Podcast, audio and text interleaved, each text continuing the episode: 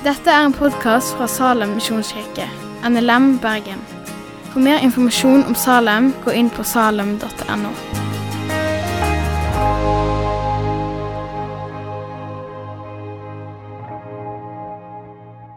Du, eh, Dere kan finne fram Bibelen, alle sammen. Eh, når vi går gjennom Galaterbrevet nå, de gangene jeg taler, så kommer jeg ikke til å ha tekst på storskjerm.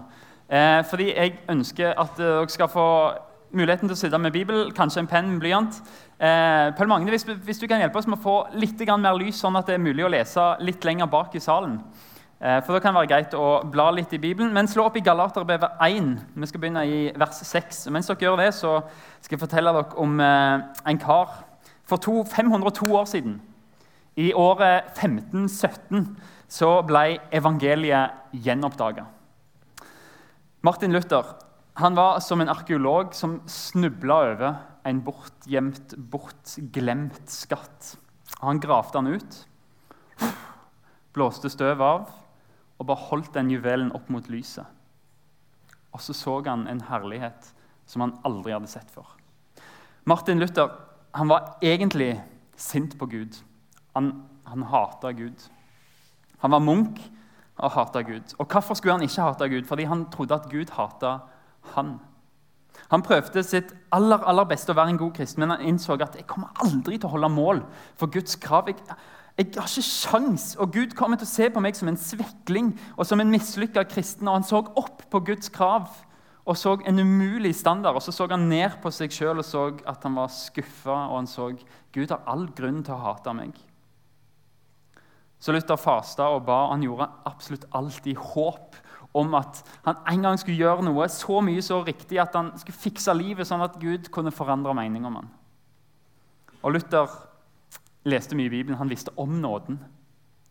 Han visste om ordet nåde, men han trodde at Guds nåde var noe som du ble tildelt hvis du kunne matche det på et vis.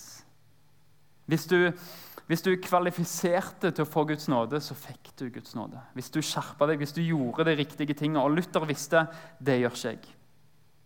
Og han hata Gud fordi Gud er umulig å tilfredsstille. Men sannheten er, og Luther oppdaga den sannheten, det er at Gud elsker sinte mennesker som tror at Gud hater dem, når faktum er at Gud elsker dem på de alle måtene som han ikke burde hvis han hadde vært menneskelig. Han er innsikten som, eller her er innsikten som hjalp Luther. Gud senker aldri sin standard. Han kutter ikke svingene, men Gud er så perfekt at han fant en måte han kan akseptere syndene på. At han, at han kan akseptere syndere og samtidig håndheve sine krav. Gud fant en måte som gjør at han kan være fullstendig mot våre synder, mens han samtidig kan være fullstendig for oss. Det er evangeliets overraskende element. På korset så skaffer, skaffer Gud våre synder helt og fullt en gang for alle i Jesus. Han som er vår villige stedfortreder. Hammeren, den falt, men ikke på oss. Alt vi må gjøre nå, alt vi kan gjøre nå, er å ta imot Jesus med troens tomme hender. Vi kan stoppe med å prøve å gi gode grunner til Gud for å elske oss. Og vi kan stoppe å hate Gud fordi han ikke innretter oss etter våre forventninger og våre feil. Og vi kan starte å juble i den jobben som Jesus fullførte på korset. Vi kan stoppe å krype for Gud, og vi kan stå opp som frie og frimodige kristne og si 'Jeg lever i tro, i seier'. Takket være Jesus så kan syndene være utsletta, og synderne jublende glad foran Gud uten å gå inn i benektelse, uten å gå inn i tvil om at 'Ja, men jeg er ikke god nok'. Og når den friheten gikk opp for Luther, så skrev han jeg føler at jeg har fått gå inn i paradiset gjennom åpne dører. Det er det Galaterbrevet handler om. Luther leste Galaterbrevet når han så denne sannheten. Og Den kommentaren han skrev til Galaterbrevet da, den er rangert som en av de ti beste kristne bøkene gjennom historien. Den fins på nett i mange versjoner. Luther sin Galaterbrevskommentarer kan anbefales. Men Galaterbrevet er en åpen dør inn til paradis for mennesker som har en fortid som de ikke er stolt over i det hele tatt. Altså alle av oss. Et paradis der vi bærer vannmerket godkjent av Gud. Min bønn for disse ukene der vi skal gå gjennom Galaterbrevet, det er at alle her inne kan få være, kan få være miraklet av å erfare at Gud tilgir. Lederen for et psykiatrisk sykehus i England han sier jeg kunne skrevet ut halvparten av mine pasienter i morgen hvis de kunne være sikre på at de var tilgitt. Vi har evangeliet. I 2019, 502 år etter at Martin Luther var gjennom Galaterbrevet, så la oss følge han inn i det paradiset som Gud har for oss. Og vi skal få høre at vi er godkjent av Gud, tilgitt, vi er fri. Og vi skal få se Jesus og tro på det paradiset som han åpna for oss.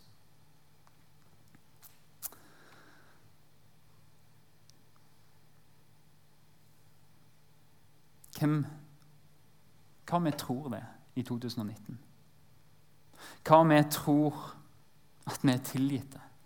At vi er fri, at vi kan stå med frimodighet og juble, ikke krype for Gud og ikke tenke ja, men jeg er god nok kristen. Tenk om vi kunne gått inn i den samme sannheten som Luther så, og se jeg er fri. Jeg er god nok for Gud pga. Jesus, og jeg er fri til å tjene. Tenk hva Gud kan gjøre med 200 bøllete syndere som kjenner seg vilt tilgitt av Gud, og som jubler i det. Jeg tror et sånt Salem Ung som erfarer det, vil forandre Bergen. Ekteskap kan repareres fordi vi er tilgitt og kan tilgi andre. Familier kan gjenforenes fordi vi ble forsont med Gud og kan strekke oss etter å forsone oss med andre. Venner kan forsones, tvangstanker kan roes, sinne kan temmes, glede kan bryte ut. Og vi her i Salem vi har dette som en heim, som et fellesskap, fordi vi, vi er de som er tilgitte. Og som elsker det budskapet, og som vil bruke det og fortelle det til alle andre.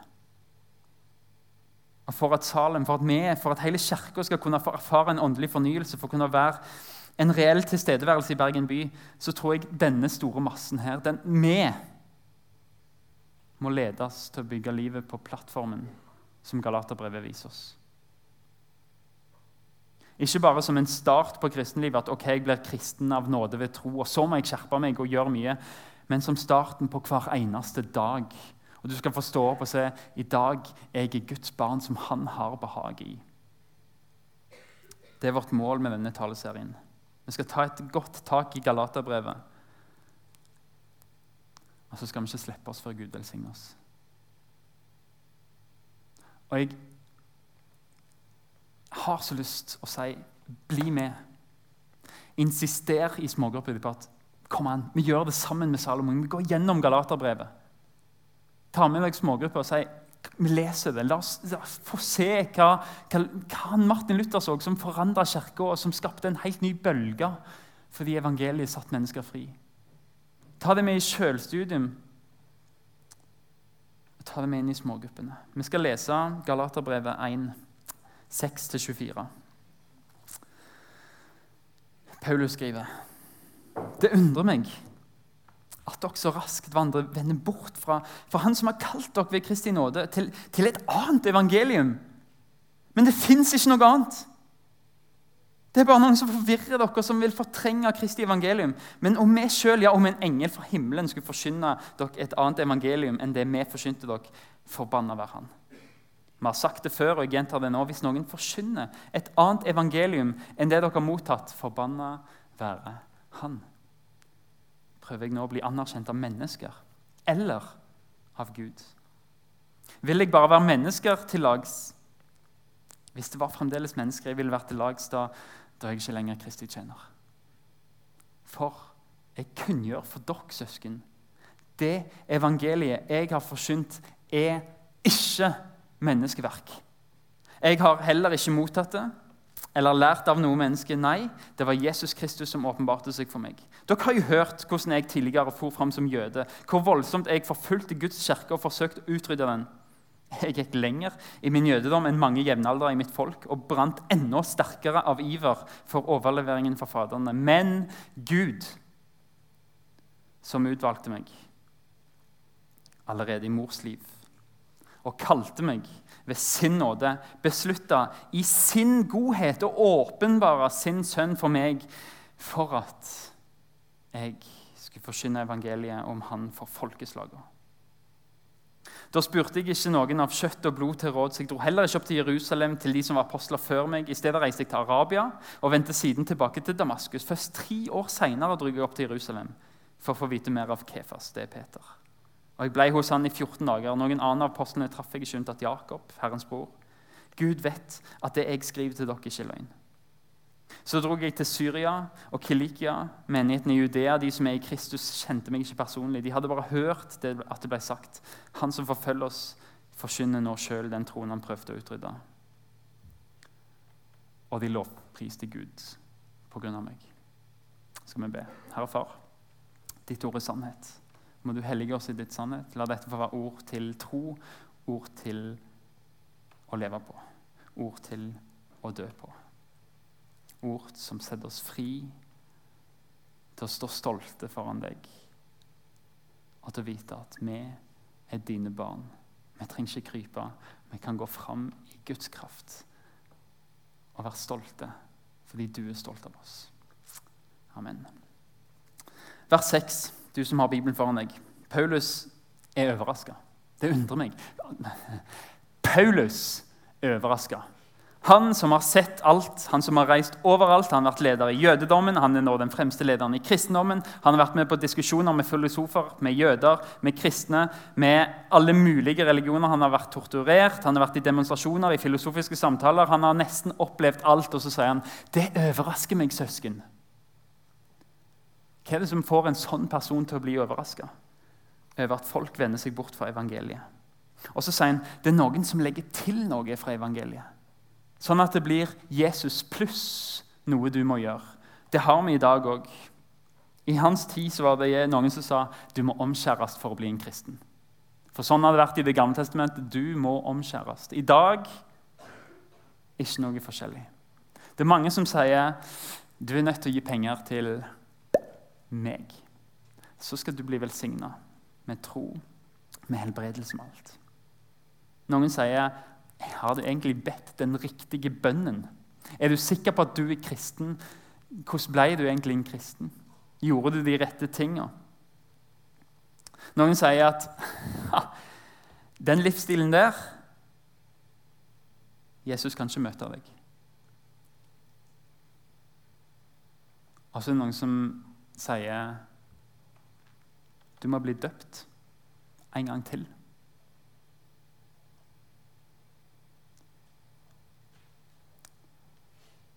Vi kunne sagt mye om disse tingene.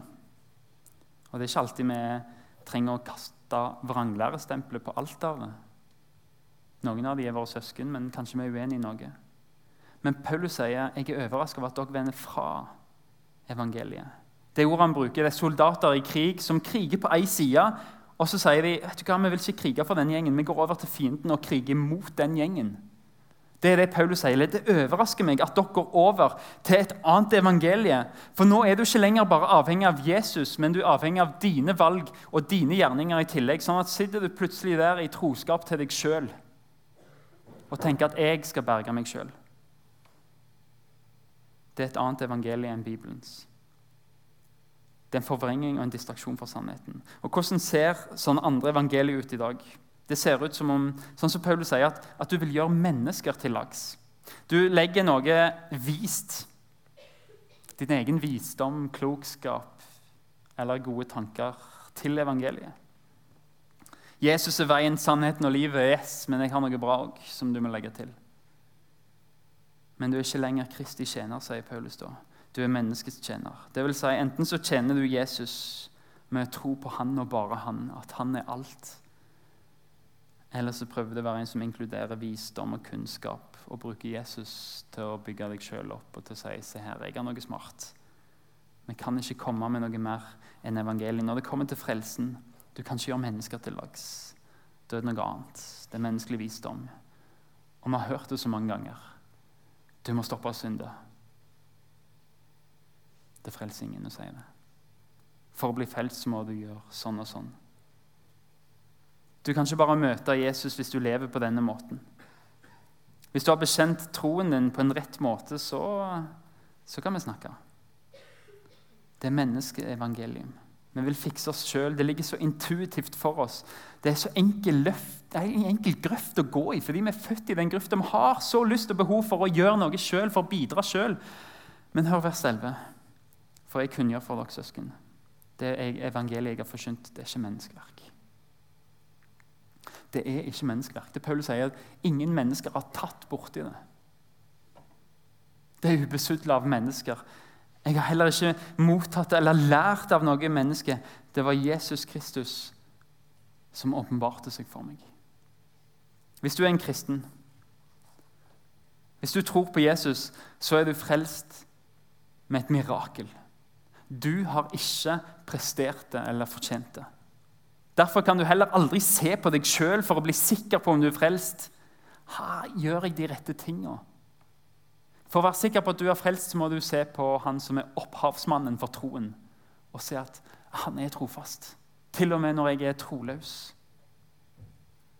Troen din er nok, ikke fordi du tror så veldig bra, men fordi han som har gitt deg troen, er perfekt. Hvis du er kristen, så er det det fordi Gud har vist deg at du har ikke behov for noe annet enn Jesus. Det er alt vi har i møte med, med død og med synd og med tvil. Du kan si til døden 'Jeg har Jesus'. Du kan si til synden 'Du er korsfesta'. Jeg har Jesus. Du kan si til tvilen 'Jeg har Jesus'.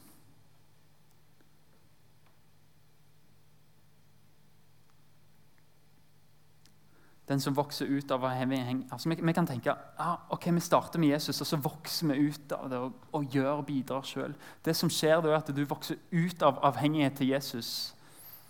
Da vokser du inn i Jesus pluss. Det er ikke kristendom. Det er ikke evangeliet. Det fins bare en frelser, og det er ikke du. Det er Jesus som lengter etter å åpenbare det til nettopp deg. Men det er så langt fra vår natur å stole på det. Vi vil så gjerne bidra. Det gjør at vi lett misforstår Jesus. Ja, jeg skal skjerpe meg. Jeg ser at vi ikke kan, vi kan ikke møtes før jeg gjør noe med mitt liv. Så kan du komme inn og forandre meg etterpå, men det er noe som jeg må fikse sjøl. Jeg er høyrehendt. Det faller helt naturlig for meg å slå en spiker med høyrehånd. Det faller ikke naturlig å slå en spiker, men hvis jeg skal spikre noe, så er det høyrehånda. Og Når jeg sparker fotball, så er det naturlig å lime den i krysset med høyre fot. Det er naturlig. Men det ligger djupt inni meg at det er sånn ting skal gjøres. Det er bare helt, Jeg tenker ikke over det. Det er høyrehånda. Men evangeliet, det er venstrehendt. Det er ikke intuitivt. Folkens, Høyrehånd for oss i kristenlivet det er tvil, og det er skepsis og det er vantro. Og det er helt naturlig for oss å ha de tingene i livet. Det er så lett å være skeptisk. Det nekter jeg ikke for. Det er så lett å være vantro. Det er så lett å si ja, det er egentlig helt sant. Det er helt naturlig for meg. Det er min høyre hånd. Derfor føler jeg meg hele tida som en nybegynner i evangeliet. Der jeg tenkte wow, igjen skal jeg bare få ta imot det sånn. Det er så unaturlig for meg å få noe så stort som frelsen fra Gud uten å måtte løfte en finger fordi Jesus har gjort alt. Det faller meg bare ikke naturlig. Refleksen er at høyrehånda kommer akkurat som for å assistere Gud. Og så er jeg med. Men det er ikke sånn vi blir frelst. Det med at Gud griper inn i våre liv og gjør det helt alene, bare av nåde ved tro. Derfor må jeg hele tida vende tilbake og høre på ny. Jeg må høre evangeliet fordi jeg er høyrehendt. Og evangeliet er venstrehendt. Det er ikke intuitivt. Jeg må hele tida lese, jeg må hele tida høre, jeg må hele tida være i Bibelen. Det må åpenbares for meg, for jeg kan ikke tro det naturlig. Derfor har vi Salem bibelgrupper. Fordi vi er nødt til å hele tida løfte det opp for hverandre og se, se. Evangeliet ser sånn ut i din kontekst. Derfor har vi medvandring, for at to stykker kan være ærlige om livet sammen. Og Så kan den ene få løfte opp og si ja, men se i din kontekst, så må du ikke tenke at du må se hva Jesus har gjort for deg. Og Så får vi skreddersy evangeliet for hverandre i bibelgrupper og i medvandring. Og nå på Alfa, på førstkommende torsdag, så skal vi snakke om det. Hvordan kan vi egentlig tro? Kjetil Vatsøy, som, som går her i Salomon, skal undervise. Hvordan kan vi tro? I teksten så er det noe personlig til deg videre. Vers 12. Paulus sier, 'Jeg har ikke mottatt eller lært av noen mennesker.' Det var Jesus Kristus som åpenbarte seg for meg. Paulus sier, 'Jeg fikk ikke av mamma og pappa. Dette er meg og Jesus.' Det er troen Gud gir deg som frelse. Og det vet du kanskje. Kanskje har du tatt et standpunkt allerede, men kanskje så tenker du bare Nei, venner går i Salem. Er en kristen gjeng. Det holder ikke. Før Jesus får vist at det er deg. Og Vi kan tenke oss at Paulus nå skal gå videre og si ok, det er deg. Men hvordan, hvordan tar du imot troen individuelt? Og så tenker vi å, nå kommer en, en teologisk utredning om hvordan vi skal ta imot. Men nei. Fordi Paulus forteller heller om sin egen historie. Hvordan Gud grep inn i hans liv. Fordi Paulus vet at det fins ikke et spesielt mønster. Gud jobber suverent med den han vil. Og Det ser kanskje forskjellig ut i ditt liv i forhold til mitt liv. Men Paulus forteller sin historie for å skape tillit til Gud hos galaterne.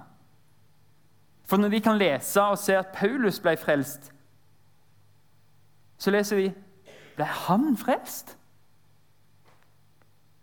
Da kan jo jeg òg. Det Paulus gjør, det er å være en budbringer fra Gud, men budet han kommer med, det er se livet mitt til forandre. Vers 13. Dere har jo hørt hvordan jeg tidligere for fram som jøde. Hvor voldsomt jeg forfulgte Guds kirke og forsøkte å utrydde den. Jeg gikk lenger i min jødedom enn mange andre jevnaldrende i mitt folk og brant enda sterkere viver for overleveringene fra fedrene. Men Gud, som utvalgte meg allerede fra fødselen, kalte meg ved sin nåde. Han beslutta i sin godhet å åpenbare sin sønn for meg for at jeg skulle forsyne evangeliet om han for folkeslagene. Men Gud, det er Paulus sitt mantra gjennom mange brev. Bare stopp opp neste gang du leser det. Men Gud, hva skjer før? Men Gud, hva skjer etterpå? Det er evangeliet. Men Gud greip inn i livet. Paulus var håpløst ute, men Gud. Og når, vi ser evangeliet virke i en person på den måten, så vekkes troen i oss på at Gud kan gjøre det samme. Derfor er vitnesbyrd viktig i smågrupper, i medvandring. Her, Hvis noen i smågrupper har et vitnesbyrd, så, så, del det med oss. Kom til oss og si vi har noe som skaper tro på Gud fordi noen har opplevd noe med Jesus her i salen. Du kan se Gud handle i hand mot alle odds, og de lovpriste Gud pga. meg, skriver Paulus. De så livet mitt, og Gud ble stor. Da ser vi, når vi ser andre mennesker, så vi ser at wow, selv om det er venstrehendt, så kan jeg kanskje gjøre det til mitt eget. Kanskje gjelder meg òg. Og Hør Paulus fortelle hvem som virker i troen. Dere har jo hørt hvordan jeg tidligere for fram sin jøde. Hvor voldsomt jeg forfulgte Guds kirke og forsøkte å utrydde den. Jeg gikk lenger i min jødedom enn mine jevnaldrende i mitt folk, som brant enda sterkere viver for overleveringene fra fedrene. Det du ser her er Paulus som får en overlevering, en tradisjon, der han sier den skal jeg følge. Jeg skal være en del av den. Jeg kommer til å gjøre alt. Det førte han ingen plass. Så sier han, men Gud Og nå skifter verbet totalt. Gud utvalgte meg. Jeg var passiv. Jeg gjorde ingenting. Fordi jeg var allerede i mors liv. Han kalte meg, og jeg gjorde ingenting. Han kalte meg ved sin nåde. Det betyr gratis. Jeg gjorde ingenting. Og han beslutta han hadde et rådsmøte. Jeg var ikke invitert, men han beslutta i sin godhet å åpenbare igjen. Han åpenbarte sin sønn for meg. Paulus satt der. Men evangeliet gjorde noe med Paulus fordi han gikk ut og forsynte etterpå. Men Paulus ødela. Paulus drepte, arresterte, han brøt ned. Og det hindra ikke Gud i å skape noe nytt i han. Nå vil jeg at du skal høre ekstra godt etter, du som ikke er kristen, du som er på besøk her. Paulus visste allerede veldig mye om Jesus og bevegelsen til Jesus. Han visste mye om kirka. Men så skjer det noe allikevel. Gud bryter inn i livet hans. Og Plutselig så ser Paulus at Jesus er ikke bare en gal mann, Jesus er Messias. Jesus er Guds sønn, verdens frelser. Og Når Gud griper inn og åpenbarer Jesus, så blir sløret dratt bort for øynene til Paulus. Og så ser han ikke Jesus lenger som en sjarlatan, men som en frelser. Og så forstår han plutselig Jesus' sin betydning på jord. Og så ser han Wow! For meg Jeg som forfølger kirka di. Er det meg du vil ha? Og så sier Gud, er deg, Paulus. Ser du at Gud utvalgte Paulus før han ble født? Ser du at Gud kalte Paulus før han ble kristen? Og ser du at Paulus, før Paulus gjorde noe som helst, så beslutta Gud i sin godhet å åpenbare Jesus for Paulus? Det er da Paulus begynner å tro. Først da ser han jeg er utvalgt. Gud har tatt meg i verden og sier, 'Paulus vil jeg ha.' Og så har han kalt han, og så åpenbarer han Jesus for han.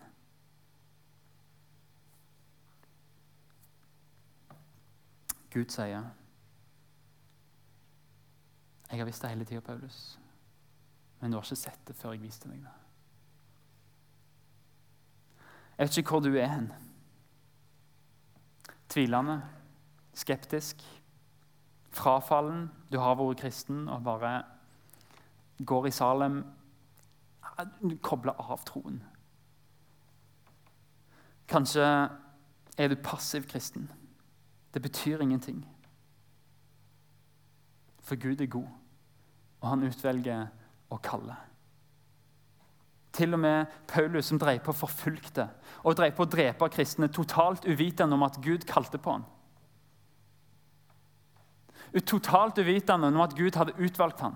Og Det kan være det skjer med deg her og nå. Du sitter her, og du bryr deg ikke, du er passiv. Men Gud kaller deg, og Gud har valgt deg, og han sier, 'Deg vil jeg ha, fordi jeg elsker deg'. Du er utvalgt av Gud, du er kalt av Gud. Gud er god. Han vil at du skal bli frelst. Vi har ikke vist det til deg ennå. Det, det betyr at du kan droppe holdningen din. Du kan springe til Jesus. Du kan spørre kan du la sløret falle vekk fra mine øyne. Kan jeg få se dette sjøl? Kan jeg få se at jeg er skapt, at jeg er elska, at jeg er verdifull, at jeg er godkjent? Kan du skape en identitet i mitt liv som gjør at jeg får være trygg på det?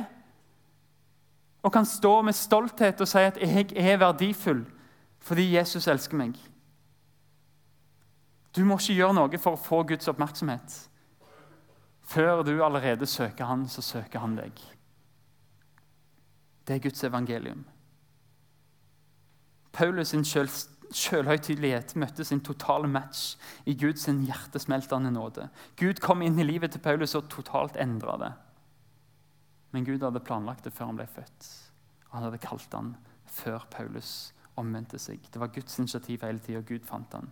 Guds nåde er venstrehendt. Den sier det totalt motsatte av hva vi forventer, og hva du tror av deg sjøl. Du trenger ikke fortjene Guds kjærlighet, fordi han gir den med glede til deg. Du trenger ikke fortjene Guds vennskap, fordi han blir venn med deg som ikke fortjener det.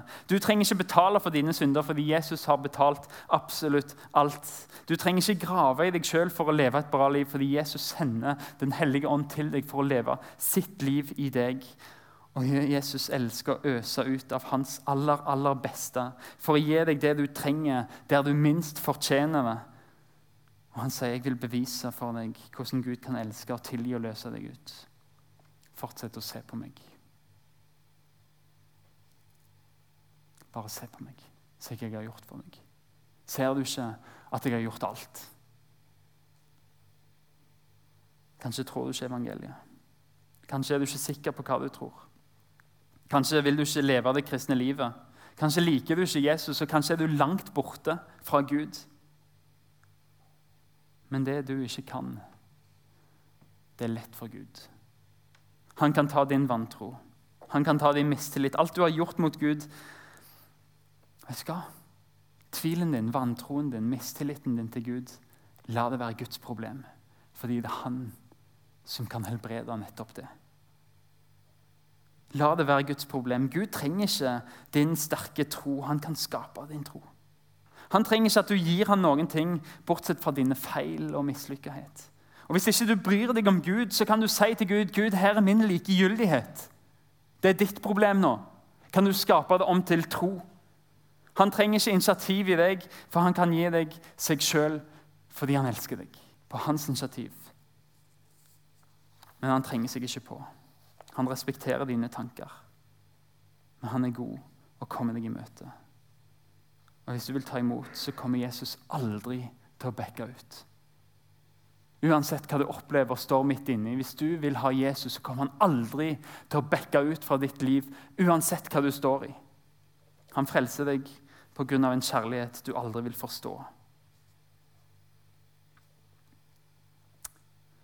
Jeg vet ikke om Gud gjør noe med deg når du hører det. Det er det som er evangeliet. Det er det som er Guds kraft til frelse. Bibelen bruker et ord som heter dynamis. Evangeliet er Guds dynamitt. Av og til så ser det totalt usynlig ut når du hører det, men inni deg så skjer det en eksplosjon av en dynamitt som sprenger, som viser deg din verdi. Som viser deg at du er skapt av Gud. Som viser deg dine feil. Og det gjør vondt, men viser, evangeliet viser deg òg din verdi og sier 'Jeg kom til jord for deg'. Jeg risikerte ikke livet mitt med å komme til jord. Jeg ga det bevisst for deg. Og jeg kom ned og jeg ga det velvillig som din stedfortreder for at du skal få leve det dynamitten. Og kanskje sitter du og kjenner, kanskje sitter du og erfarer at Den hellige ånd nettopp nå holder på å tenne på den dynamittgubben og sier det er for deg. Kanskje er det første gangen du erfarer det. Kanskje har du erfart det før. Og kanskje skaper Gud en tro i deg her og nå. La oss be. Herre, takk for at du skaper nye ting. Takk, Jesus, for at vi skal få gi våre liv til deg. For første gang, for tusende gang. Vi bekjenner at vi tror på deg. Kom og rør ved oss. Led oss. Gjør oss til menneskefiskere ber vi om Jesus. I ditt navn. Takk for at du har hørt på podkasten fra Salem, Bergen. I Salem vil vi vinne, bevare, utruste og sende. Til Guds ære. Vi ønsker å se mennesker finne fellesskap, møte Jesus og bli disippelgjort her i Bergen og i resten av verden. Vil du vite mer om oss, gå inn på salem.no.